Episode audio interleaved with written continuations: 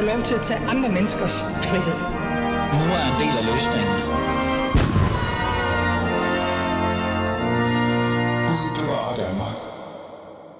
Ja, Gud bevarer Danmark. Vi overlevede første time kampen om feminisme og jeg ved ikke hvad, og mænd. Men nu er det noget helt andet. Fordi nu skal det handle om seniorer. Hvis du er over 50 år og enten jurist eller økonom i staten, så er du langt mere i risikozonen for at få en fyreseddel, end hvis du er under 50. Så lyder det ikke bare fra en undersøgelse fra Jeff, men hele fem undersøgelser siden 2016.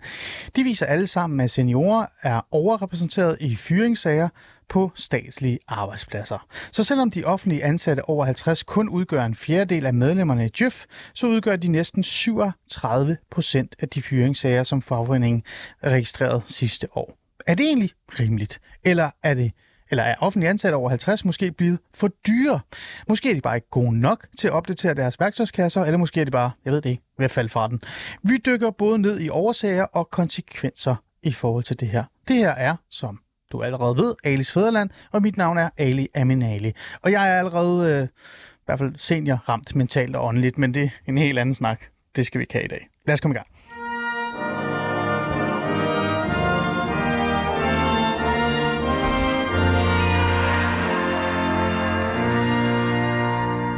Og for at selvfølgelig kunne gøre det, så skal jeg jo have nogle andre i studiet, ellers så bliver jeg skældt ud. Så, men det vigtige er jo også at sige til jer, lytter, I kan jo være med i samtalen. I kan skrive ind på 92 45 99 45, 92 45 99 45 og deltage i samtalen omkring det her. Og skriv især, eller ring især ind, hvis du netop er en af de her seniorer, eller har oplevet noget lignende. Sara Vergo, Sara Vergo. Færgo. Vergo, Vergo, Vergo. Fantastisk. Djøf øh, for mand eller for kvinde? Det er jo vigtigt at høre spørge, virkelig. Fem formand kalder jeg mig. Okay. Øh, Jeg synes, det er et statement i sig selv, at man kan være en kvindelig formand. Det kan jeg faktisk godt lide. Det, det ved du hvad? Nu kan jeg lide Djøf. Du er i studiet. Du er i hvert fald Djøf-formand i studiet. Og så har vi også øh, en på Thailand. Thomas, er du med mig? Det kan du tro. Thomas Holberg, du er politisk kon- konsulent øh, hos Ældresagen, og øh, du er med på en, et omlink, så du er ikke øh, i studiet. Men jeg har Sara i studiet. Lad os lige øh, komme i gang med, øh, med den her samtale omkring seniorerne. Jeg tænker, at den bedste måde at gøre det på, Sara, det er faktisk at tage fat i dig og sige, det er jo jeres undersøgelse, vi skal tale om. Mm. Eller undersøgelser nærmest. Øh, hvad tænker du egentlig, øh, eller hvad tænkte du, da du egentlig så endnu en undersøgelse, der viste det samme? Jamen, jeg blev øh, ærligt talt lidt træt øh, og ærgerlig jo, fordi at vi har faktisk talt om det her rigtig længe, og som du også lige refererede før, så har det en undersøgelse, vi har lavet år efter år efter år.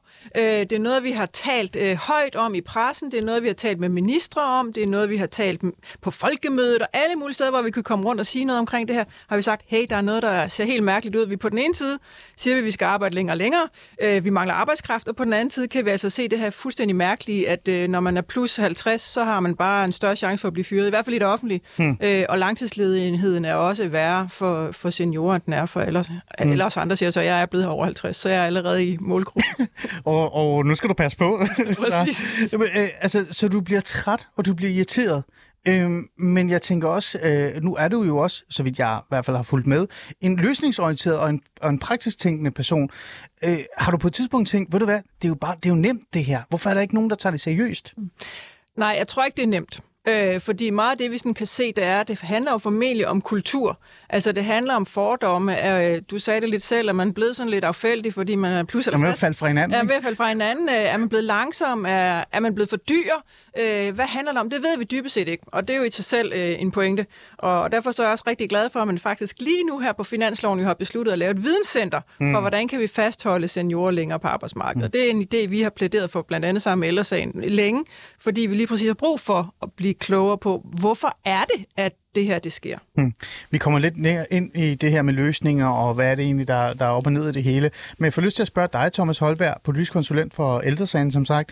Øh, blev, du, øh, altså, blev du overrasket, når du ser det her? Er det noget, du kan genkende? Altså, jeg blev ikke overrasket, men jeg blev nok også træt. Jeg tror, det var det ord, som Sara brugte, ikke?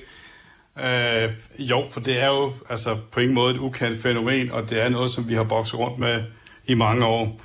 Øh, og, og så er det jo også noget, som har alvorlige konsekvenser, og ikke bare for seniorerne selv. Så øh, så jo, jeg blev helt klart, øh, jeg blev også træt, øh, da jeg så de tal.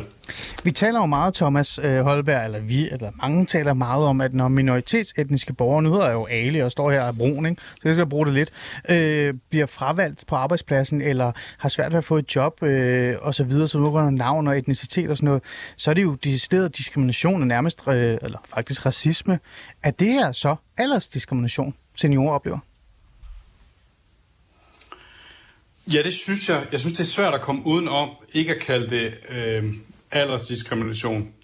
Men øh, nogle gange, hvis jeg sådan skal introducere måske lidt ukendt begreb, altså, så taler man meget om alderisme. Og jeg synes faktisk, det er et rigtig godt ord, fordi at... Øh, altså det parallel, som du for eksempel selv øh, drager her, ikke? Altså til en anden diskriminationsdebat, hmm. øh, den kan måske godt brage lidt, når vi snakker alder. Og med, med det så mener jeg, at øh, altså når vi snakker alderisme, øh, på en eller anden måde, at det, det, det giver noget andet, øh, tror jeg, for mange mennesker, hvis, øh, altså hvis, hvis man lærer at kende det begreb. Hmm. Øh, og på det så mener jeg sådan mere præcist, at øh, øh, meget af den diskrimination, der foregår på det danske arbejdsmarked, vil jeg våge at påstå, den foregår ubevidst.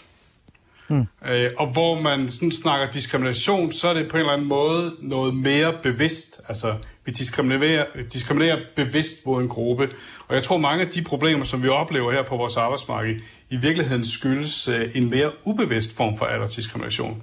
Men, men, øh, men Thomas... det er ikke... Øh, Ja, ja. Jamen det, fordi jeg bliver nødt til at stille det her spørgsmål. Jeg synes, det er meget, meget interessant, det du siger, men det er stadig, øh, det, det, det rammer også nemlig mig, det her. Øh, kan du overhovedet genkende en form for negativ syn på altså seniorer generelt på arbejdsmarkedet? Altså, Jo, nu det siger kan- du, det er, det kan det er sådan noget underbevidst og uviden og nærmest tavs viden, vil man kalde det. Nu er jeg jo selv socialrådgiver. Men den her negative syn på seniorer generelt, den synes jeg er, det er jo noget, man lægger mærke til. Det er noget, man kan høre også øh, til frokoster eller, eller andet. Altså, øh, kan du ikke genkende det? Det kan jeg helt klart godt genkende. øh, Og jeg kan også øh, genkende det her med, at der er rigtig mange fordomme, når det gælder seniorer. Jeg tror bare, det er vigtigt at komme et spadestik dybere ned i det her. Jamen, hvorfor er det, de her fordomme, de opstår? Og der tror jeg, at i virkeligheden sker rigtig mange øh, ubevidste processer, hmm. som øh, arbejdsgiverne måske ikke altid er klar over. Hmm. Nu misbruger jeg lige dig, Så Thomas. Jeg anerkender til fulde. Ja. Yes. Ja, nu bruger jeg lige dig lidt, fordi at, øh, det kan også være, at Sara har nogle eksempler, men jeg bliver jo lidt nysgerrig. Altså de her negative fordomme, kan du komme med et eksempel på, hvad, hvad det kan være? Er det det der med, at vi, vi ved at falde, jeg er ved at falde fra hinanden, fordi jeg er blevet 42, eller hvad? Er det sådan noget der? IT, øh, omstillingsparathed, øh, bare for at nævne to. Altså, det vil jeg tro, at der er sådan en rimelig hæftig fordom, når vi snakker omkring seniorer. Mm. Øh, evne til at lære nyt. Øh, ja. Har der været konkrete eksempler? Øh, har I hørt nogen? Har I øh, oplevet nogen? Er der nogen, der har fortalt historier om, at de er blevet fravalgt eller fyret, fordi der netop har været de her fordomme? Øh, ja, altså det vil, øh, der vil helt sikkert være øh, masser af mennesker, som har følt det sådan, men, men om man lige sådan præcis får at vide, nu fyrer vi dig, fordi at, øh, vi tror ikke, at du er helt op til spise med det, med det nyeste IT. Mm. Altså, det tror jeg typisk, det er jo ikke det, der er tilfældet, vel? Altså, øh, Okay. øh, Ja. øh, øh, øh, Yes, jeg var bare, jeg var bare Yes. nysgerrig. Sara, øhm, du er jo medlemmer, mm. ikke? Øh, men jeg får lyst til at stille dig det samme spørgsmål til at starte med. Øh, er det her aldersdiskrimination? Altså, jeg, jeg synes jo, det er. Jeg synes, det minder om Det aldersdiskrimination. synes jeg også, det gør. Øh, det, det lugter i den grad af diskrimination, men det er jo rigtigt, som Thomas siger, at det er formentlig sådan en mere ubevidst øh, diskrimination. Det synes altså, du også, det er? Altså, altså, altså- fem undersøgelser, der peger på, at det, at det rammer seniorer, men du tænker stadig, at det er lidt ubevidst? Ja, fordi altså, jeg kan sige, at vi, vi, vi, har, vi har jo organiseret også en hel del chefer hos os, og det benyttede vi os jo af, og så skrev vi ud til dem og sagde, altså, hvad, hvad tænker I egentlig om det her, og øh, hvad gør I, når I ansætter? Altså, alle jer offentligt ansatte chefer. Hmm. Øhm, og der, der sker et eller andet med min lyd. Nej, det, jeg ved Nå, ikke. okay. Okay, det er nok bare mig, der er lidt øh, gammel i ørerne. Nej, øh, nå, men der skrev de jo alle sammen tilbage, at vi kigger ikke på alder, når vi fyrer eller når vi ansætter. Det er faktisk slet ikke et issue hos os. Og det er jo interessant, at, øh, at man på den ene side kan sige det, når vi så har de her tal, der viser noget helt andet. Hmm. Øh, og noget andet, som jo også er meget interessant, synes jeg, det er, at vi har jo ikke det samme problem i det private. Altså, der, der kan man godt finde ud af at fastholde seniorerne. Så der, der er jo et eller andet underligt, der sker i det offentlige, og især i staten åbenbart, mm. som gør, at man, øh, man på en eller anden måde ikke vægter øh, de ældste så mm. højt, eller så tungt, eller hvad det nu hedder, øh, ja. øh, som man gør med de yngre. Nu har jeg jo lavet de her undersøgelser, øh, og jeg vil gerne ærligt erkende, jeg har ikke læst dem alle sammen, men jeg har læst de to sidste. Øh, de ligner hinanden til forveksling fuldstændig. Ja, det tror jeg også, de gør. Øh, men jeg tænker, I må have fået noget feedback og noget tilbagemelding også generelt for jeres medlemmer over 50 mm. i forhold til det her diskrimination, eller om det er så bevidst eller underbevidst. Mm. Øh, er der nogle konkrete eksempler, eller nogle, øh, nogle, øh, noget, der er kommet tilbage, hvor I har tænkt, hold da op?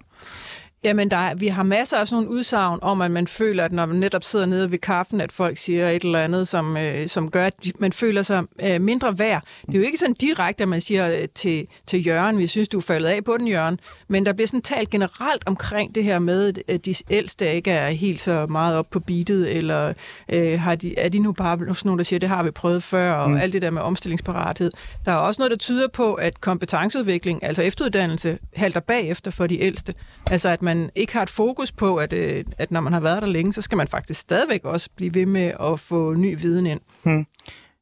Er der ikke også noget øh, ansvar, altså individets ansvar for at opkvalificere sig selv og øh, gøre sig selv mere, øh, det lyder forkert at sige, attraktiv på en arbejdsplads? Så tænker man, MeToo, det er ikke det, vi snakker om. Men altså sådan kompetencemæssigt og sådan noget. Er der ikke også øh, noget ansvar, øh, øh, som man måske glemmer lidt, fordi man sidder tilbage og tænker, at jeg har jo tusindvis års erfaring, det burde være nok. Formentlig.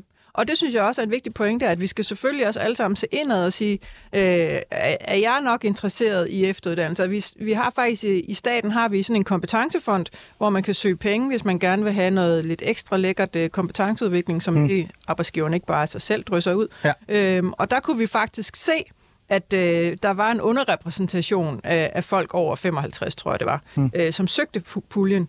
Og så sad vi sådan lidt og tænkte, okay, hvad, hvad sker der for det? Øh, og så lavede vi en særpulje, til plus 55 år. Og så blev den støvsuget lynhurtigt. Ah. Altså, så, så der skulle bare nogle lidt andre kriterier til måske. At man gad ikke at tage en master, når man var 60, men man gad godt at tage fire dages uh, intensiv kursus i et eller andet. Så det er jo også noget med at tænke i, hvad er behovene, og igen være sådan, måske lidt bevidst om, at one size doesn't fit all. Altså man skal lave forskellige tilbud til forskellige medlemsgrupper eller medarbejdergrupper. Hmm.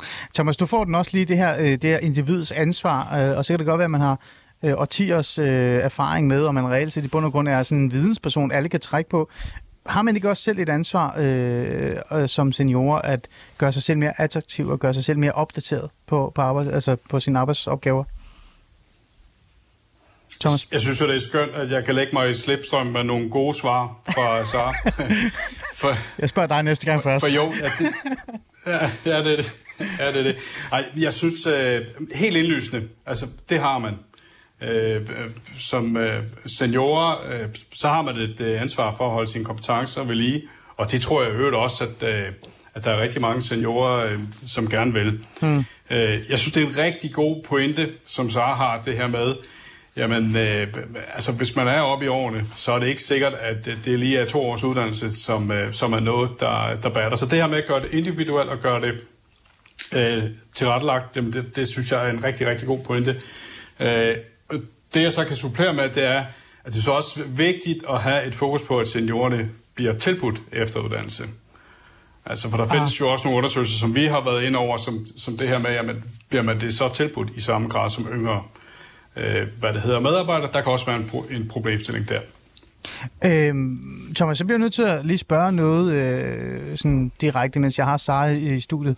Øh, har man måske været for dårlig til at tænke kreativt, ligesom Sara mener? Øh, altså lige har sagt, de har gjort. Det der med at tænke nye puljer. Har man måske øh, siddet lidt tilbage og tænkt, at det er ikke noget, vi behøver at tænke på? Jamen, det synes jeg godt, man kan svare ja til. Øh, altså her der snakker vi jo uddannelse. Øh, noget, som jeg tror, der er mindst lige så vigtigt, øh, det er jo selve det her med tilrettelæggelsen af arbejdet. Altså en anden problemstilling, øh, hvad det hedder, som jeg tror i stigende grad vi løber ind i, det er jo, at der bliver flere og flere seniorer, der ikke er afhængige af at fortsætte. Ah. Øh, og alt, jeg tror, hvad vi ved af, af undersøgelser på det område, viser jo også, at når man kommer op i årene, så begynder man at sætte lidt mere pris på fleksibilitet, og øh, man begynder at sætte lidt mere pris på at kunne have et større sag i forhold til, hvordan man gerne vil arbejde. Øh, og der tænker jeg, øh, altså der kan jeg nogle gange til at kigge på vores arbejdsmarked, jamen er vi så fleksible nok til at kunne rumme det ønske?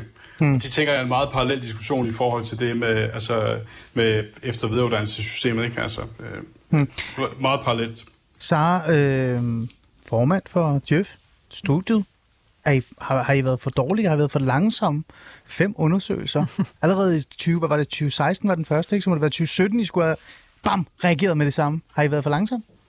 Jeg synes faktisk, vi har larmet rimelig meget omkring det. Jeg står for eksempel her med et brev, som vi øh, som øh, daværende skatteminister Morten Bødskov sendte ud altså for et par år siden, Ja. ja. efter vi havde holdt et møde med ham sammen med DM og HK, hvor vi satte fokus på det her, fordi vi kunne gå ind også og se, at alderssammensætningen i departementerne i staten, den er helt skæv. Altså, der er jo nærmest ingen Ah. mennesker over 50. Øh, Hold da op. og det var vi sådan lidt, hvad, hvad sker der for det? Øhm, og så har han sendt sådan et, øh, et brev ud til sine øh, ministerkollegaer om, hold nu lige øje med det her, have fokus på det. Øh, og det er jo bare påfaldende, at øh, pæn, venlig opfordring fra ministeren, som ingen effekt har haft. Øhm, og, øh, og, og det synes jeg jo i sig selv øh, siger noget. Altså vi har lige også fået nogle andre tal for øh, ancieniteten i staten. Ja, 70 procent har under fem års ancienitet. det er Så der- lavt. Det er, der, Altså, når man tænker stat. der er rigtig meget omsætning, ikke? Øh, forstået på den måde, at øh, det, det er som om, der er en kultur om, at øh, nyt og ungt og frisk, det er det, er det vigtigste. Mm. Om når man er arbejder i et departement, så skal man også arbejde solen sort. Altså, det ved alle. Man arbejder virkelig Ja. meget, og som Thomas siger, det kan godt være, jo ældre man bliver, jo mere påskynder man også, at man kan have et andet liv.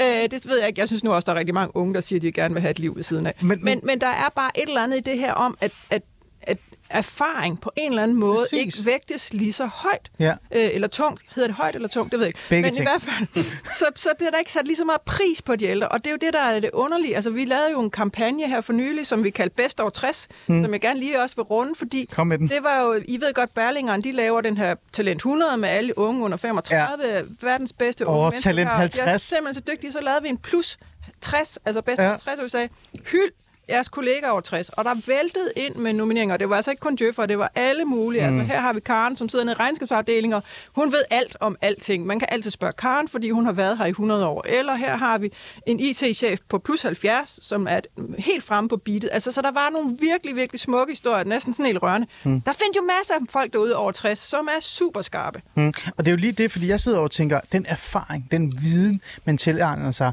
også i forhold til problemknusning, altså hvis der opstår Præcis. noget, så er det jo ekstremt vigtigt at have en person med erfaring bag sig, end den der nye, opbeat unge kollega, der kan løbe rundt hurtigere end andre.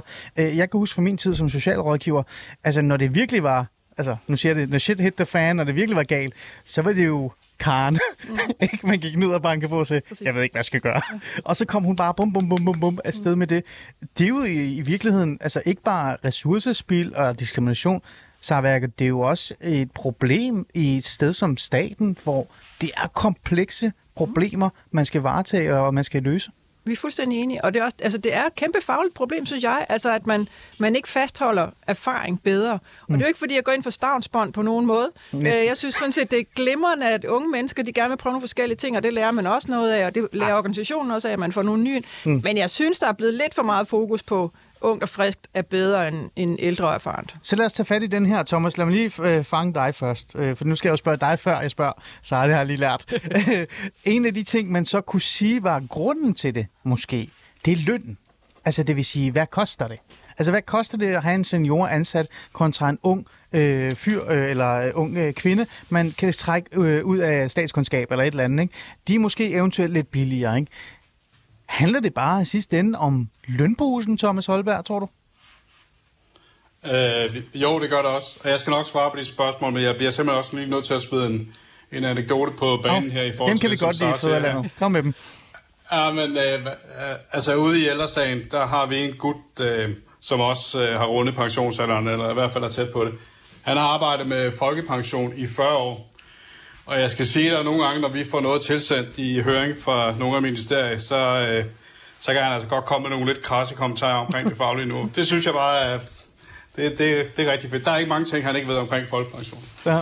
Ja. Nå, men, men altså med hensyn til de spørgsmål, ja, ja, det er også en, der kører den der, ikke? Altså seniorerne er dyre, og det er derfor, vi skal skaffe os af med dem. Ja, øh, altså dels tænker jeg, lige præcis når vi kigger på staten, og der er Sara nok mere på hjemmebane end jeg er. Hvis du kigger på overenskomstsystemerne, ikke? Altså, så når du jo et lønniveau på et eller andet tidspunkt, og, og, og, så, og så er det jo forholdsvis statisk. Altså uanset om, hvad det hedder, øh, du er 45, eller hvor gammel du nu er. Hmm. Det er den ene ting, jeg vil smide. Den anden replik, altså vi har jo lavet en undersøgelse blandt ledige seniorer. Ja. Øh, og det vi kan se af den, det er, at, øh, at de er faktisk mere fleksible på lønspørgsmålet end yngre generationer. Interessant. Hvordan? Hvordan er de mere fleksible? At de er simpelthen mere, mere villige til at gå ned i løn, Ah, end, end øh, man er, hvis man er mellem øh, 30 og 55, okay. tror jeg det er. men der er jo noget modsigende i det så, i virkeligheden. Så er det jo, så er det jo måske ikke lønnen, Thomas. Nej, altså, hvad det hedder, jeg tror, øh, altså antagelsen skal jo være, ikke? Din antagelse er, at man fyrer seniorer, fordi at man synes, at de er dyre. Ja, præcis. Man kan få to øh... unge for, for en senior. Det er frækt sagt, men cirka. Men den, Ja. er, den er ikke 100% rigtig måske så. Nej, det, altså, nu hører jeg ikke meget plædere for, at, øh, at seniorer skal gå ned i løn. Jeg synes, de skal have den løn, som de er, Ja. er værd øh, på lige fod med alle mulige andre medarbejdere. Men vi kan i hvert fald bare se, at, at, øh, at de er fleksible, i, hvad det hedder, i forhold til løn. I hvert fald, når de bliver ledige. Hvad nu, hvis det koster dem jobbet? Hvad nu, hvis de får at vide, hvis du, kære ven, går ned lidt i løn, så får du lov til at beholde dit job? Ah, det er frækt sport, men Ja. Ja. Lige, lige præcis på det statslige område, så, så kan man sige, så er det jo ikke sådan, det fungerer vel. Altså. nej, okay. Ja, det er bare mig, Thomas. det, Dårligt forslag. Altså. ja, men det, ved du hvad, det er et dårligt forslag. Jeg kunne ikke lade være. Jeg er meget nysgerrig. Lars Andersen, jeg vil gerne trække dig ind i, i samtalen, før jeg spørger Sara, for jeg har fundet ud af, at Sara har alt for gode spørgsmål. Eller svar hedder det. ja. Så hvis jeg bare spørger hende, så siger alle det samme. Øh, Lars Andersen, du er professor ved det Nationale Forskning, Forskningscenter for Arbejdsmiljø. Øh, jeg havde masser af spørgsmål til dig, men jeg tænker, jeg har lyst til at starte med det her, som vi er i gang med nu. Øh, kan lønnen være grunden til, at seniorer bliver fravalgt? De er for dyre? Nu hørte, jeg, nu hørte jeg ikke sammensætningshed inden, men der kan jo være flere forhold. Altså løn er sådan et praktisk forhold, med hvad, hvor man som, som leder måske sidder og tænker, hvis der er en fyringsrunde, eller man skal ansætte nogen, hvad er cost-benefit ved det her? Altså, hvor meget koster den her medarbejder i forhold til, hvad jeg får ud af, af ham eller hende? Hmm. Øhm, og så, så, det, så, så koster det jo mere, når man når et eller andet vis alder, når man er 25 år. Men det er også, nu hørte jeg lige Thomas nævne, der er jo også, man når et eller andet niveau på et tidspunkt, Ja. hvor man så måske ikke stiger så meget mere. Men det kan der være med ind i, i overvejelsen. Mm. Der kan også være nogle overvejelser øh, af, af en karakter, hvor man som leder måske tænker, hvor lang tid har jeg egentlig den her person, hvis det er en 60-årig eller en 63-årig, øh, hvis der er en, en, en fyringsrunde, hvem skal vi så afskedige? Er det den, som vi tror, vi har i 10 år, eller den, som vi tror, vi har i 3 år? Der kan også være nogle overvejelser omkring, øh, i forhold til det her med det økonomiske, hvad koster det at oplære en person til nogle, til nogle, øh, til nogle nye ting, hvis det er nyansættelser? Hmm. Eller hvis det er et sted, hvor det er meget dynamisk, og man hele tiden skal på nogle kurser osv., hvad koster det at sende en senior på et kursus frem for en yngre, som jeg måske tror, jeg har i, i flere år, hvad Ja. enten det er rigtigt eller ej. Så sådan nogle tanker kan der godt ligge bag omkring det rent økonomiske. Øhm, Hmm. så, Okay. så, men man kan sige, det er jo ikke så, at man kan ikke kode det ned til, at det kun er én. Det er jo, det er jo et komplekst samspil af flere faktorer. Ja, og Lars, det kommer vi Øhm, tilbage til. Ja. ja. Apropos mine mange spørgsmål. Men nu tager jeg lige, Ja, ja, ja, ja, nu tager jeg lige endelig Sara. Sara, det her løn øh, ting, øh, som sagt, jeg har jo lavet fem øh, øh, hvad hedder det nu, ja, øh, analyser eller ja, rapporter omkring det her. Øh, kan lønnen være en af de der tunge grunde til, at man fravælger dem? Der er i hvert fald mange, der siger det til mig, når jeg spørger, hvorfor i alverden sker det her. Så siger folk, at det er også fordi, de er for dyre. Og, og nu fik jeg lige mit sekretariat til at slå det op, ikke? Og mm. øh, altså, man stiger cirka 24 procent i løn, fra man har 5 års anciennitet, til man har 20 års anciennitet Okay, blandt vores medlemmer. Men det gør man både i det offentlige og i det private. Og i det private ah. fyrer man ikke seniorerne. Så det kan jo ikke alene være forklaring andet, end at man i det offentlige måske indimellem bliver udsat for nogle ret hæftige sparerunder. Øh, så vil man øh, på kommunen spare 10 procent på rådhuset. Så, så kigger man rundt, og det er Djøffer og nogle af dem, ikke? og dem må man, så, så må man måske tage den dyreste. Men, men det som er, det er jo lidt en tis i bukserne strategi, ikke? fordi mm. det betyder jo, at man så skal netop skal lære nogle nye op. Øh, det koster altså også noget, det der med, at man ikke har karen, man kan gå ned og spørge. Ja. Det, det er faktisk rigtig dyrt. Vi har nogle erfaringer fra, da man lavede udflytning af statslige arbejdspladser, hvor meget, meget få flyttede med den udflyttede arbejdsplads. Øh, og det betød, at man fik rigtig mange nye unge ind på de her nye øh, øh, steder. Øh, og der var ikke nogen karen, man kunne gå ned og spørge. Det vil sige, så var man nødt til at købe konsulentydelser eller noget andet ude i byen for at få, få den her viden ind. Så erfaring skal jo værdsættes og prisfastsættes, øh, når man bare siger, at de er for dyre. Altså, der, der er jo, det, det koster selvfølgelig noget at have nogen, der ved noget. Så det, det kan faktisk også godt være det der med den viden og den erfaring, man har, den, den fylder ikke nok i forhold til, altså når man kigger på generelt, altså man kigger lønposen, og så er erfaringen måske lidt lavere ned, og der burde man faktisk tænke, at erfaring er vigtigere og dyrere. Og, og, og altså, Ja, jeg tror, man, jeg tror, man skal være bedre til det. Øh, og så forstår jeg sagtens, at hvis man står med, med, med armen vredet om, øh, og der er et kommunalt budget eller et statsligt budget, der skal falde på plads, at man så siger, okay, vi, vi kan hente 200.000 ekstra ved at fyre den her person, eller hvad det nu er. Men det er som sagt bare en meget kortsigtet strategi, for det koster jo på den lange bane, at man ikke har de, den vidne i organisationen. Okay, interessant. Meget interessant. Lars Andersen, du er jo professor, som jeg sagde, ved det Nationale Forskningscenter for Arbejdsmiljø. Og nu blev jeg lige fanget i det her spørgsmål omkring løn. Jeg kunne ikke lade med at stille dig det, det spørgsmål til at starte med, men du er her også, øh, fordi du netop forsker i, altså arbejdsmiljøforsker, kan man jo sige i virkeligheden, ikke? Ja. Øh, og derfor så bliver jeg jo sådan interesseret i forhold til den her øh, systematiske øh, det er jo nærmest systematiske fravalg af seniorer. Jeg nævnte aldersdiskrimination. Øh, jeg sagde også det der med, der er eksempler på, øh, at, øh, at man nærmest bliver sat ned på, til, når man sidder og spiser frokost og sådan noget. Findes det sted på den danske arbejdsmarked, eller er det bare mig og andre, der har fordomme? Jamen, der er ikke nogen tvivl om, at der findes fordomme, og der findes diskrimination af forskellige grupper i, i samfundet i Danmark, som i alle mulige andre lande. Det gør det også af, af folk, når de når en vis alder. Øhm, selve omfanget af det er utrolig svært at kortlægge rent forskningsmæssigt. Mm. Øhm, fordi lige præcis i, i, sådan noget, i forbindelse med, med fyringsrunder videre, hvem er det, der bliver fyret? Der kan ligge andre, der kan ligge andre grunde til en, en diskrimination i sig selv, eller forskelsbehandling. Mm. Der kan ligge nogle af de overvejelser med økonomien og det der, men der kan også, øh, der kan også ligge alle mulige andre øh, grunde. Øh, Ja. vi har kigget på nogle af de her ting i det forskningsprojekt, der hedder Senior Arbejdsliv, hvor vi blandt andet har 12.000 beskæftiget med. Vi har cirka et par tusind ledige. Vi har også en anden del af det, hvor vi har snakket med nogle ledere og HR-medarbejdere. Og vi kan se i hvert fald, når man spørger ind til oplevelsen af diskrimination. Føler du dig, oplevet, føler du dig diskrimineret på grund af din alder, når vi spørger de plus 50-årige? Ja, det, det, det er faktisk cirka, øh, cirka hver tredje ledige, der gør det, der føler, at de er diskrimineret ene og alene på grund af deres alder. Hvad Så tredje? nu øh, kan jeg... gå- Ja, cirka hver tredje, ja. Mm. Øhm, Okay. Vi kommer ud med nogle tal her om et par uger. Øh, Jeg vil ikke give tallene nu, for det er ikke offentliggjort endnu, men der viser, at- at det faktisk er i stigning. Øhm, Okay. Så det ser ud til, at det er et problem, der er stigende. Øh, Vi kan også se, at der er forskel på, at jo ældre man bliver over de 50, jo flere er der, der føler, at de bliver diskrimineret på grund af alder. Men Lars, så er det Men der er godt... også en anden ting. Ja, en anden ting, bare Ja. kom med den, så kan jeg spørge bagefter. Øh, Ja, det er, det, det, det, det er faktisk, det stiger også med længden på uddannelsen. Så jeg kan godt forstå Okay. lige præcis, Sara øh, måske råber op om det her, fordi dem der med de længerevarende uddannelser, der er faktisk relativt flere af dem, der føler, at de bliver dis- aldersdiskrimineret, end, dem, de, end de ufaglærte, de faglærte. Okay. Så kommer mit spørgsmål, Lars, og, og jeg, jo, jeg kan jo godt lide forskere. Jeg synes, det er, jo, det er jo nemlig det. Er det her, altså, føler de sig diskrimineret, eller er de det? Altså, er det her en følelse, eller er det en virkelighed? Jamen, der er ikke nogen tvivl om, at deres følelse af det er reel. Så fordi vi spørger folk, føler du dig, oplever du dig diskrimineret? Mm. Om de bliver diskrimineret, det er en anden ting. Øhm, det er, den oplevelsen af diskrimination kan jo skyldes flere ting. Det ved Man jeg godt. måske ikke blevet indkaldt til jobsamtaler osv. Ja, men Lars, det ved jeg Øh, godt, men, man- men lad, lad mig lige prøve at stille et opfølgende spørgsmål, fordi det, det, det er jeg enig med dig i, men, men jeg tænker bare sådan, fem øh, undersøgelser fra Djøf, der peger på, at øh, det er ældre, der bliver, i hvert fald, føler i hvert fald bliver fravalgt, men også man kan se, at de bliver fravalgt. Du fortæller, at det bliver det, det er stigende, og, og, og, og de fleste peger også på, at det er det, der sker. Så, så er det jo nærmest systematisk, selvom det ikke Jamen, er, der- altså, at man fravælger Ja, der, øh, ældre, det er aldersdiskrimination Ja. og så videre. Ja, der er ikke nogen tvivl om, at aldersdiskrimination findes i Danmark. Det men det er, svært at omlæ- øh, det er svært at kortlægge det, det præcise procenttal på det, fordi det, at der, der er flere ting, der spiller ind. Øhm, noget af den her forskelsbehandling eller aldersdiskrimination, der ligger flere faktorer under, end bare det, at man som arbejdsgiver øh, aktivt fravælger nogen.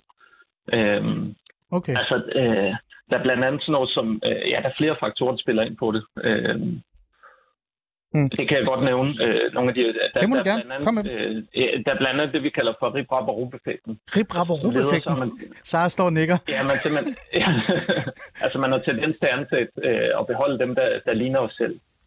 Fordi Ah. det giver noget tryghed. Altså, Det kender jeg i medieverden, kan jeg fortælle dig. Bare roligt, det kender jeg. Ja, ja. Ligesom vi, kø- hvis vi køber en hund, så køber vi en hund, der ligner os selv. Det, det er det samme princip i virkeligheden, ikke? Øh, når vi skal ansætte og fastholde medarbejdere. Okay, fantastisk. Uden at, det, uden at det er så sort-hvidt, men der er en tendens til det. Okay, ja. Øhm, så det, er- det er en ting, der spiller ind. Øhm, ja. en anden ting, der spiller ind, det er fordomme. Altså mm. de tanker, vi har om folk, inden vi kender folk. Mm. Ofte så dømmer vi folk, inden vi kender dem. Og det er jo ikke særlig fair, men vi, det, det gør vi også med seniorer. Så vi har nogle tanker omkring, hvordan er en stressårig. Mm. Hvis jeg får nogle ansøgninger ind, hvem, så kigger jeg nedover. Vi har nogle her, de, nogle, nogle er 60 år, nogle er nogle er 30 år. Så vi allerede dannet os nogle tanker om de folk, inden vi har mødt dem, og inden, inden vi kender dem. Og det ved vi, når vi spørger ledere og HR-medarbejdere i det her seniorarbejdsliv. Der kan vi se, at der er en tendens til, at ledere og HR-medarbejdere mener, at seniorer de er mindre produktive, de er mindre kreative, og de har en manglende vilje til at lade nyt. Og det vil sige, at de her tanker ligger jo i baghovedet på dem, der skal ansætte mm. folk. Og så er det utrolig svært at være objektiv, fordi man allerede til dels har dømt folk, inden man kender dem. Ja. Og det er ikke så godt. Det er ikke så godt for dem. Det er ikke så godt for seniorerne. Det er heller ikke særlig godt for virksomhederne. Nej. Fordi man misser jo nogle muligheder. Fordi man ikke får ansat nødvendigvis de bedste folk. Man ansætter delvist på baggrund af nogle mavefornemmelser om, hvad man tror om folk, inden man kender dem, frem for, hvad folk rent faktisk kan. Hmm. Interessant. Det er også et problem. Øhm, Sara, du markeret Jamen, det er fordi, at det er bare sådan i forlængelse af det, Lars også siger. Altså, øh, jeg tror også, det var Lars, der sagde det her med, at når man ansætter nogen, så tænker man, hvor længe har jeg den her person? Ja. Altså, øh, når man er 63, øh, hvor længe har man så en person? Jamen, man kan jo have været vedkommende i 10 år. Altså, som sagt, så unge mennesker har en tendens til at skifte job meget oftere, end ældre mennesker har. Så der er jo et eller andet helt skørt i, at man siger, nå, men hvis man er blevet 60, så ved jeg ikke, hvor længe jeg har vedkommende. Altså, pensionsalderen er snart 70. Ja, ja, det, Øh, det bliver jo så- endda så- ved. Og så, så det her med at tro på, at Karen hun faktisk er enormt lojal, øh, og hvis hun først bliver ansat, så vil hun virkelig gerne yde en indsats. Hun har ikke nogen syge børn. Øh, hun, øh, hun bliver sikkert heller ikke selv så tit syg, fordi hun ikke har nogen små børn, der går i daginstitution. Mm. Hun er en super stabil arbejdskraft, ikke? Øh, og jeg tror, vi skal også vende os til, at for ja, ganske få år siden, da efterløn var meget mere udbredt, så var det jo sådan, når man var i slutningen af 50'erne, så skulle man jo snart på efterløn. Altså, så var man sådan ved at være færdig på arbejdsmarkedet. Nu er der 12 år, til man skal på, til på pension, når man er 58, ikke? Det er rigtigt. Øhm, og, og det mindset tror jeg ikke rigtigt, vi har nået at få ind i, i organisationerne. Altså, så det der med at sige, hvis du ansætter en på 65, så har vedkommende mindst fem år tilbage. Mange vil faktisk gerne arbejde ud over pensionsalderen, hvis de netop får den fleksibilitet, som Thomas også talte om. Ja. Så hvorfor ikke ansætte en, man kan have i fem år, når man ved, at de unge måske kun bliver der i to? Mm. Øh, øh, Lars, det er jo interessant. Altså, øh, øh, er det her bare noget, øh, som vi er bagud, men måske er nok skal komme? Altså det her med, at vi, vi rykker jo på pensionsalderen, vi skal jo være mere og mere på arbejde, og vi måske er vant til, og det er jo der fordomme vi er vant til, at når man bliver de der 50, så er man på vej ud af arbejdsmarkedet. Så, så, så måske skal vi ikke gøre noget, vi skal bare vente på, at vi alle sammen bare vender os til, at Karen bliver der for evigt. Eller i hvert fald halvdelen af evighed. Ja, ja sådan, vil det, sådan vil det blive, men i takt med, at pensionsalderen stiger, så vil den ældste del stadigvæk være udsat for de her fordomme, fordi det er nogle ting, vi har med os, det er nogle tanker, vi har med os, som er opbygget gennem mange år. Det her med, at seniorer er mindre produktive og mindre kreative. Vi har måske haft nogle forældre eller bedsteforældre, som vi har set været helt færdige som 55-årige. Øhm, så de her ting, der ligger i baghovedet, det er altså noget, der tager, der tager lang tid at, at ændre. Øhm, Mm. Okay, det er jo interessant. så jo, vi kan godt vente, vi kan godt vente på det, men man kan sige, der skal måske også nogle gode eksempler til, øh, sådan så der er flere virksomheder, der får øjnene op for, ej, altså man kan godt være produktiv og kreativ og have vilje til at lade nyt, selvom man er 65, eller for den sags skyld, selvom man er 75 år. Okay. Øh, så har du markeret lige, så går vi over det var til bare Thomas. fordi det der med, at, at hvorfor er det også, at vi kun skal måle på, hvor produktiv og kreativ øh, og omstillingsparat man er? Hvorfor har vi netop ikke brug for en organisation, hvor der også er nogen, der sidder med lidt korslagt arme og siger, det har vi prøvet før, det virkede sgu ikke for 10 år siden. Hmm. Det virker måske heller ikke nu. Altså nogen, der har noget erfaring at byde ind med, som måske ikke er kreative, men så er super skarpe analytiske, fordi de har en masse erfaring at trække på, og så kan sige, det her, det tyder på en point problematikken, den kan vi godt løse på den og den måde, fordi det har vi set eksempler på andre steder, eller det har virket i andre sammenhænge, eller hvad vi er. Altså, så vi ikke måler alle aldersgrupper eller alle medarbejdere ud fra de samme parametre, men at vi netop har et fokus på at diversitet er en styrke for organisationen, fordi nogen er kreative, og nogen er analytisk skarpe. Mm. Øh, og det, det, så gemmer jeg lige noget til senere i forhold til løsninger, for det, det er faktisk, øh, der, jeg har en god idé, så. Øh, men, men Thomas øh, Holberg, øh, nu siger jeg lige, hvem du er igen, politisk konsulent i ældresagen. Øh, øh, det er jo stadig bare en virkelighed, dine øh, hvad kan vi sige, medlemmer skal forholde sig til det der med, at pensionsalderen bliver rykket. Vi skal have flere øh, seniorer på arbejdsmarkedet. De skal blive på arbejdsmarkedet. Men deres virkelighed er, at de sidder og føler, at de enten lige om lidt bliver fyret, eller de aldrig kan komme ind på arbejdsmarkedet igen, hvis de øh, kommer ud af, af job. Det, det må da være skræmmende. Det er skræmmende, og der er ikke tvivl om, at det er skræmmende set ud fra, øh, altså fra den enkelte perspektiv. Men det jeg i virkeligheden synes, der er måske lidt det største problem med den her diskriminationsdebat, det, altså, det er, at øh, altså, det er jo også et samfundsproblem. Ikke? Øh, det er fuldstændig rigtigt, som Lars siger, at problemet med diskrimination, det er, at det er elastik i metermål. Altså, vi kommer aldrig nogensinde til at kunne sige omfanget og definere det præcis, fordi det per definition er en subjektiv opfattelse. Ja. Det, jeg bare synes, der er problemet, det er, den subjektive opfattelse, den er vi simpelthen nødt til at tage dødhammerne alvorligt. Uh, vi har også lavet en ledelsesundersøgelse, som viser, at 6 ud af 10, altså de føler, at deres alder arbejder imod dem. Ikke? Det er et skræmmende tal, og jeg er helt sikker på, at, at virkeligheden er nok ikke sådan for 60 procent. Men det er stadigvæk et stort problem, at 60 procent føler det, fordi øh, det vi også ved, det er, at hvis seniorer bliver ledige, eller de føler, at deres alder er imod dem, jamen, så er der en markant højere risiko for, at de trækker sig fra arbejdsmarkedet. Og i Ah. sidste ende, altså, så står vi jo med både nogle offentlige og nogle private arbejdsgiver, som mangler hænder i den her situation. Altså, vi har simpelthen ikke den arbejdskraft, vi har brug for. Øh, så, derfor, jeg, tror, vi er nødt til at få vendt rundt på den her diskussion. Vi er nødt til at komme seniorerne i, i møde. Altså, det er simpelthen et kæmpe problem for en arbejdsgiver, hvis han eller hun ikke vælger at ansætte en senior, fordi at vedkommende forsvinder. Mm. Altså, og flere og flere vil få mulighed for det mm. i fremtiden, fordi at folk får bedre og bedre pensionsordninger. Men Thomas, øh, så lad os bare tage fat i den sidste runde, kan man jo så sige, og vi får faktisk også en ekstra gæst øh, i programmet, forhåbentlig lige om lidt. Øh, det bliver faktisk, øh, hvis det går op, Dansk Folkeparti's Nick Zimmermann, øh, som, øh, altså Dansk Folkeparti er jo faktisk en af de partier, der øh, vil gøre noget. De har jo foreslået en masse ting, så vi prøver netop at få ham med i programmet. Det er sådan en ting, som jeg altid gør. Jeg kan presse politikere til at være med, ligegyldigt om de kan eller ej. det, det kan du hurtigt lære noget af, så. Eller det kan du sikkert også, ligesom Jeg mig. siger jo altid ja. Ja, jamen, det er jo det. Men politikere siger ikke ja. Øh, men Thomas, øh, ja, ja, bla, bla, fantastisk. Øh, nu har vi stået og snakket om det i 43 minutter. Vi er jo nærmest alle sammen enige om, at det er en skændsel i virkeligheden. Men hvordan hulen skal vi ændre på altså, sådan noget som fordomme og vores forståelse af hinanden? Og så, det er jo mega tungt. En af de ting, der altid bliver trukket op af, af af kasketten nærmest, det er det der med, jamen så kan vi lave nogle, øh, hvad kan vi sige, nogle informationsbrochurer, øh, eller vi kan lave sådan nogle, mm. øh, du ved, sådan noget, en eller anden kampagne, hvor man ser en ældre person gør et eller andet, der er bedre end den unge. Øh, altså, er det, er det så banale ting, vi skal gøre? Altså, vi skal ud og sælge seniorerne som en, en kæmpe styrke på arbejdsmarkedet? Var det et spørgsmål til mig? Ja, Thomas, det er dig, der jeg skal redde det her nu. ja, jeg tager den i hvert fald. Jamen, øh, jeg synes, du sætter, øh, du sætter pegefingeren på noget utroligt centralt og utroligt ømt. Og det er nemlig, at øh, der er jo ikke noget lovgivnings-quick fix her. Altså, vi har faktisk lavet nogle ret gode strukturelle reformer i Danmark, som er på den ene eller på den anden måde forbedrer seniorernes mulighed for beskæftigelse. Og dem skal jeg nok spare jer for at gå igennem. Øh, det, der ligesom står tilbage nu, det er, at vi har de her bløde ting, altså arbejdsmarkedskultur, arbejdernes, øh, arbejdsgivernes holdninger, og jeg skal komme efter jer. Altså, det, det, er jo, det er jo noget, der sådan per definition er svært at arbejde med for Christiansborg, og det er noget, som, som kræver sådan et langt, sejt træk i virkeligheden. Ja. Og hvad delen kan man så gøre ved det? Øh, altså, der er ikke, det er ikke nogen hemmelighed, at vi ellers sagen, øh, efter norsk inspiration har peget på det her center, altså, som vi synes kan spille en, en rolle mm. øh, i den her debat. Øh, Og det har vi gjort, fordi at, øh, altså, vi er rigtig mange, der taler om den her dagsorden. Øh, Lars og Jeff, Sara og, og ellers han også, ikke? Men øh, vi har ligesom ment, at der var brug for en centralt placeret ins- instans, der kunne være dem, som man et eller andet sted kunne placere et ansvar for, altså, og som kunne forene forskellige perspektiver på ah. det her område.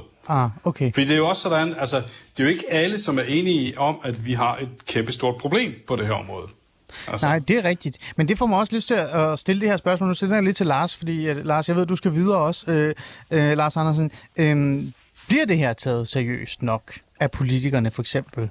Altså, der er jo forskning på det, der er øh, undersøgelser på det. Øh, det, er jo noget, det er jo noget, vi får det i vores ansigt nærmest, fordi vi hører det jo øh, nærmest hver dag. Men vores politikere, tager de det egentlig seriøst? Jamen, det er slet, slet ikke nok at tage det på politisk niveau, fordi det politikerne kan gøre jo det, som de gjorde her for, for det sidste år, og sige, så, så siger vi, ved lov må man ikke spørge om alder ved ansøgninger. Ja, det er rigtigt. Øh, det, det, det, det er slet ikke at gå langt nok. Øh, det er også vigtigt at få det helt ud på arbejdspladserne. Der er blandt andet øh, dialogen mellem seniorerne og lederne er manglende i mange tilfælde. De skal simpelthen blive bedre til at tale sammen om de ønsker og behov, der er. Mm. For der er en masse usagte ting. Vi kan se det blandt andet i forhold til sådan noget ting som mulighed for at komme på efteruddannelse, kompetenceudvikling. Der er mange lederne, der siger, at de er alt for. De kommer ikke og spørger efter det, hvor seniorerne selv siger, jamen jeg har ikke fået det tilbudt. Så der er sådan nogle helt simple ting, hvor de simpelthen ikke får, får snakket ordentligt sammen. Hvilke ønsker og behov har seniorerne? Hvilke ønsker og behov har virksomheden? Øh, og så simpelthen forældrene til at mødes på den måde. Så mm. der skal også ske noget ude på selve arbejdspladsen. Mm. Men altså, kan politikerne ikke gøre noget som helst? Fordi ja, nu har vi den ikke Zimmermann med. Jeg skal, lige, jeg skal lige have dig med, før, før jeg siger tak til dig. Øh, kan politikerne ikke gøre noget som helst? Altså, vi taler meget om kvoter jo. Jeg vil gerne have seniorkvoter lige pludselig efter det her program nærmest. Hvad tænker ja, du, Lars? det kan man, det, det, det, det kan man godt. Jeg tror bare ikke, man kan lovgive sig ud af, af, af de reelle problemer. Okay. Øh, man kan måske komme et, et, stykke af vejen, men der skal simpelthen også en kulturændring til, at vi skal en bedre dialog ud på arbejdspladsen til mellem seniorerne og lederne. Hvad er det, mm. hvad er det der ønsker og behov? Øh, okay. Og der skal en større forståelse til i samfundet om, at øh, den erfaring, der er blandt øh, de her øh, lidt ældre medarbejdere. Ja. Okay. Lars Andersen, du er professor ved det Nationale Forskningscenter ved, for Arbejdsmiljø. Tak fordi du vil være med og sætte lidt fokus på det. Det er altid godt at have en forsker i studiet, især når der er en djøffer. Ja, så, bliver jeg, så bliver jeg taget mere seriøst, Lars. Så godt, tak, godt du var med. ja, men ring en anden gang, hvis jeg, nok kommer hjem. Især hvis der er en djøffer. det er fint. Ja. men, men, men, men det programmet er rigtig god til, det er jo netop at have folketingsmedlemmer og dem, der har magten. Nick Simmermann, er du med? Yes, det er jeg. Hej, hej. Tusind tak, fordi du vil tage tid til at, at, at lige hoppe ud af salen og være med i mit program og, og tale om det her. Øh, Nick, du er, er jo øh, folketingsmedlem for Dansk Folkeparti. Du har også et ordførerskab, der giver mening i forhold til det her. Og så er det jo et område, Dansk Folkeparti brænder for. Øh, I vil jo gerne øh, lave lov, I vil jo gerne øh, lave gode øh, muligheder osv. osv. Men øh, Lars Andersen, øh, professor, han har lige sagt, at det, det, altså, det ændrer ikke noget. Hvad tænker du, øh, Nick, om det her? Jo, altså sådan set, det der jo i virkeligheden er udfordringen, det er jo, at der er rigtig mange seniorer og ældre på arbejdsmarkedet, der for det første bliver diskrimineret, og for det andet har rigtig svært ved at komme ind på jobmarkedet igen, hvis man står for eksempel er 58 eller 62 eller 65 for den sags skyld, og lige pludselig er arbejdsløs og man så skal ud og sende en ansøgning, og der kommer tilsvarende en ansøgning for en på 35 år, så er det rigtig svært at være den, der får jobbet. Mm. Og der synes vi jo sådan set helt grundlæggende, at det er ærgerligt, at man ikke har noget større forståelse for både den menneskelige erfaring, men jo også den arbejdsmæssige erfaring, som jo rigtig mange seniorer og ældre trækker med ind på en arbejdsplads. Mm. Og derfor så foreslår vi jo, at man skal kigge på at måske at gøre arbejdsmarkedet en lille smule mere fleksibel. Altså eksempelvis ved at sige, at man behøver ikke nødvendigvis at skal være ansat på fem dage om ugen, eller Aha. 7 til 3, eller 8 til 16, eller den slags. Men der skal være nogle forskellige muligheder for, eksempelvis når man er ældre, og simpelthen få krav på at få et flexjob. Mm. Altså når man for eksempel når en eller anden alder, så kan man så sige, men nu har jeg krav på, at min stilling bliver lavet om til en flexjobstilling. Det kunne mm. eksempelvis være en af de, de ting, som, som, mm. som der kunne hjælpe med det her problem. Men er det ikke en, øh, en, en nedgradering, altså når en senior, en, en erhvervs, en, eller ikke en erhvervs, en erfaringsmedarbejder sidder på sin plads, sidder på sin post, arbejder 37 timer i en, i en tid, hvor vi, altså hvor, Nick, hvor alle råber om ressourcer og spild og mangel af, af arbejdskraft osv., at man så siger til dem, øh, kan vi vil virkelig gerne hjælpe dig, øh, men din virkelighed er, så må du acceptere for eksempel flexjob. Er det ikke sådan en nedgradering? Nej, det synes jeg sådan set ikke, det er. Mm. Fordi det, det, der jo faktisk sker i dag, det er jo, at rigtig mange trækker sig tilbage fra arbejdsmarkedet. Ja. På, for eksempel på baggrund af, af selvopsparet pensionsordninger, eller fordi at der er nogle, nogle ordninger, der gør, at man mener, at man godt kan trække sig ud af arbejdsmarkedet. Og det er jo netop fordi, at arbejdsmarkedet ikke er indrettet til at beholde seniorerne og gøre mm. noget mere for, at seniorerne og de ældre rent faktisk bliver på arbejdsmarkedet. Så det vi foreslår, det er sådan set ikke, at det skal, det skal være sådan en stokkepryl for at få folk til at blive noget længere på arbejdsmarkedet. Det skal rent faktisk være noget, som folk ønsker. Og for at vores seniorer og ældre borgere ønsker at være noget længere på arbejdsmarkedet, så tror jeg, at vi bliver nødt til at lave nogle justeringer. Eksempelvis i forhold til arbejdstider, eksempelvis i forhold til, hvor mange timer om ugen det er, og den slags ting. Det skal okay. vi være bedre til at indrette, sådan, så vi kan beholde vores seniorer og ældre noget længere tid på arbejdsmarkedet, men selvfølgelig egen fri vilje. Ja, Nick, du bliver hængende. Det er et, et reelt forslag fra en med stjerner på. Øh, Sara, hvad, hallo? Det er da en Altså, det er da bedre end ingenting. Jamen altså, jeg synes jo, at han er fuldstændig ret i at sige, at det, det er vigtigt, at vi laver nogle fleksible ordninger for seniorer, for, for sådan set for alle medarbejdere. Det er sådan set på tværs af alder, at alle ønsker mere fleksibilitet i deres arbejdsliv. Men vi har også undersøgelser, der viser lige præcis, at øh, jeg vil gerne blive lidt længere, hvis øh, jeg kunne få lov at gå ned i tid, eller få nogle flere fridage, eller gå ned i ansvar, kan det også være. Men en decideret flekslønsordning, det er jeg ikke sikker på. Jeg, nu ved jeg ikke, forstår jeg ikke helt præcis, hvad det går ud på. Altså, hvis det er gået på en ret til at gå ned i tid, så er jeg helt med. Men hvis det går ud på, at man det. skal... Nå, okay, ja, fordi det, det synes jeg er glimrende, men det vil jeg jo rigtig gerne have, at vi forhandler i, i overenskomstsystemet, og ikke... Øh, Ah, Christiansborg. arbejdsmarkedets parter. Ja, men, øh, men jeg synes, ideen er god, altså, og der findes jo allerede, øh, altså, man kan lave seniorordninger. Øh, det, det er bare ikke særlig udbredt. Altså, og det er jo fordi, der måske er en manglende vilje fra arbejdsgivers side til at lave nogle af de her løsninger. Er du imod et lovkrav? Altså, jeg, vi- synes, jeg synes generelt ikke, politikere skal se blande sig i, øh, i arbejdsmarkedsforhold. Det vil jeg gerne have, at vi gør der. Heller ikke, hvis de stiller seniorerne bedre. Altså, vi har jo lige talt om det. Det er jo, det er jo, altså, det er jo forrygt, det der sker i virkeligheden. Undskyld, det er jo mine ord. Men heller ikke, hvis de stiller seniorerne bedre. Gør noget, vi ikke bare lige kan gøre i morgen. Jamen, jeg synes da, det er et glimrende forslag at med sig som øh, offentlig arbejdsgiver, det her. Hmm. Det kan, Interessant. det kan vi tale med finansministeren om. Der er snart overenskomst. Ja, hvis han gider at lytte til jer. Altså, og det er jo, det er ikke sikkert. Ja. Øh, Nick, øh, bliv hængende, for lad os lige høre Thomas. Thomas, øh, et, et, et decideret direkte forslag. Altså, øh, det andet, det er jo bare at sidde og vente og håbe på, at der er nogen, der gider at gøre noget. Her kommer der et forslag. jeg synes, ja, jeg synes, det er, jeg synes, det er et, øh, det er et godt forslag, og det er et rigtig godt eksempel, hvad det hedder. Jeg tror lige, vi skal have twistet debatten lidt. Øh, Jeg har læst, øh, hvad det hedder, DF's udmærkede udspil på det område, som Mm. udkom i går, så vidt jeg husker.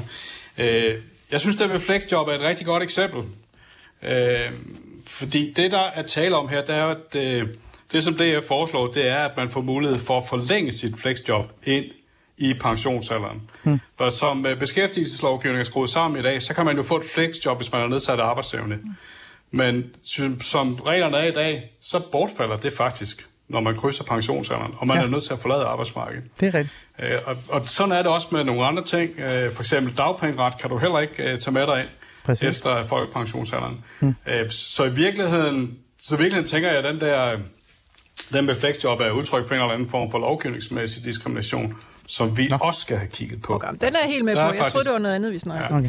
Men, men, Ja, altså, det, ja, ja. men det er jo stadig interessant det der, øh, Nick Simmermann, lad os lige gå tilbage til dig, fordi nu er I jo kommet med noget, ikke? Altså, ja. og så kan vi kigge på, hvad det er, der er op og ned i det, og kan vi justere det, og, øh, men I er jo kommet med noget. Altså, når man kigger rundt omkring på Christiansborg, øh, så er der ikke mange andre, der kommer med noget i forhold til seniorområdet. Nej. Det er da bekymrende, er det ikke det?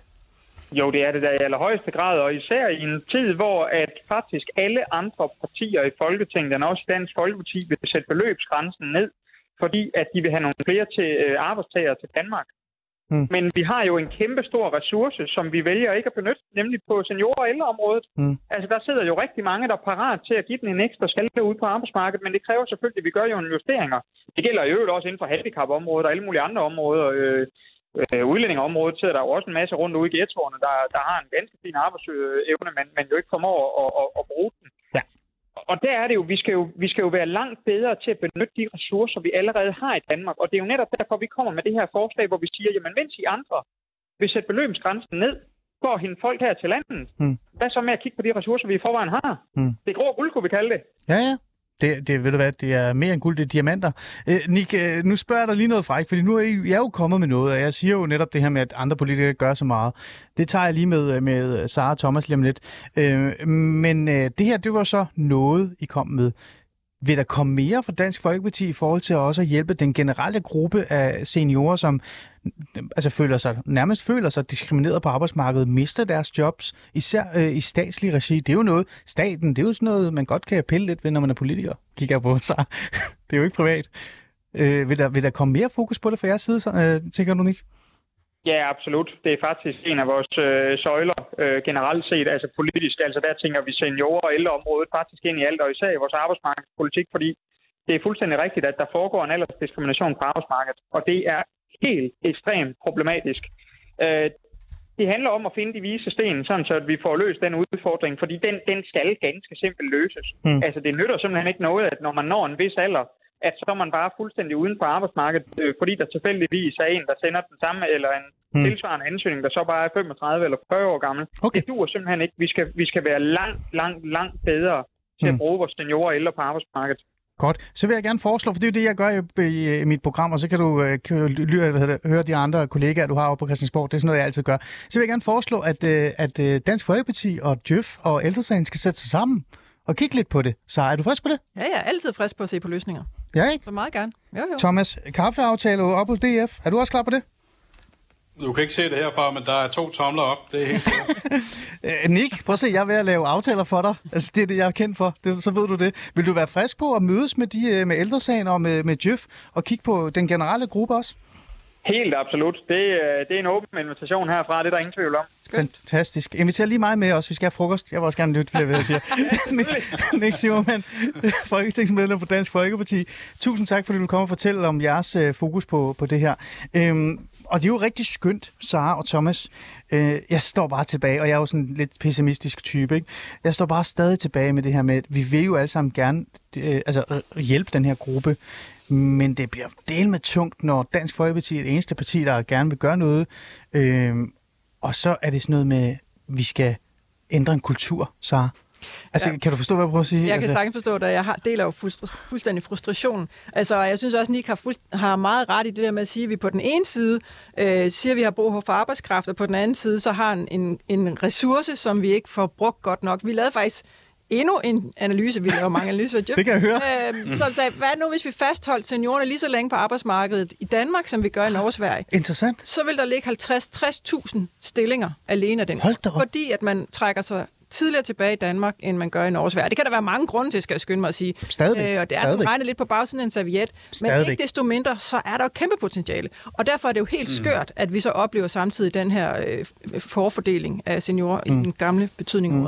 Altså, Lionel Messis kontrakt blev skrevet på en serviet, så serviettingen kunne være, er rigtig gode. Øh, Thomas, øh, den her sådan lidt pessimisme, der er fra min side, øh, altså, øh, er det bare at kunne svinge og håbe på, at øh, vi alle sammen bliver glade for seniorer? Eller skal vi sku, altså, come on, helt ærligt, skal vi have mere Nick Simmermann og politikerne ind og, og pille ved vores, øh, ved lov, vores lovgivning? Ej, Jeg beklager, men jeg er ikke helt lige så pessimistisk. Men det er kun godt, det er meningen. Jeg synes, det er en, øh, jeg synes faktisk, det er en dagsorden, der rykkes på. Øh, og jeg tænker, at der er noget, øh, der er lidt medvind på den her cykelsti, som man ikke rigtig kommer udenom. Og med det så mener jeg, at øh, hvis du kigger på den danske demografi, øh, så bliver mm. vores arbejdsstyrke, den bliver ældre og ældre. Og hvis man sådan fremskriver lidt og, og kigger, hvad har vi så, hvad har arbejdsgiverne brug for? Jo, de har stadigvæk brug for hænder.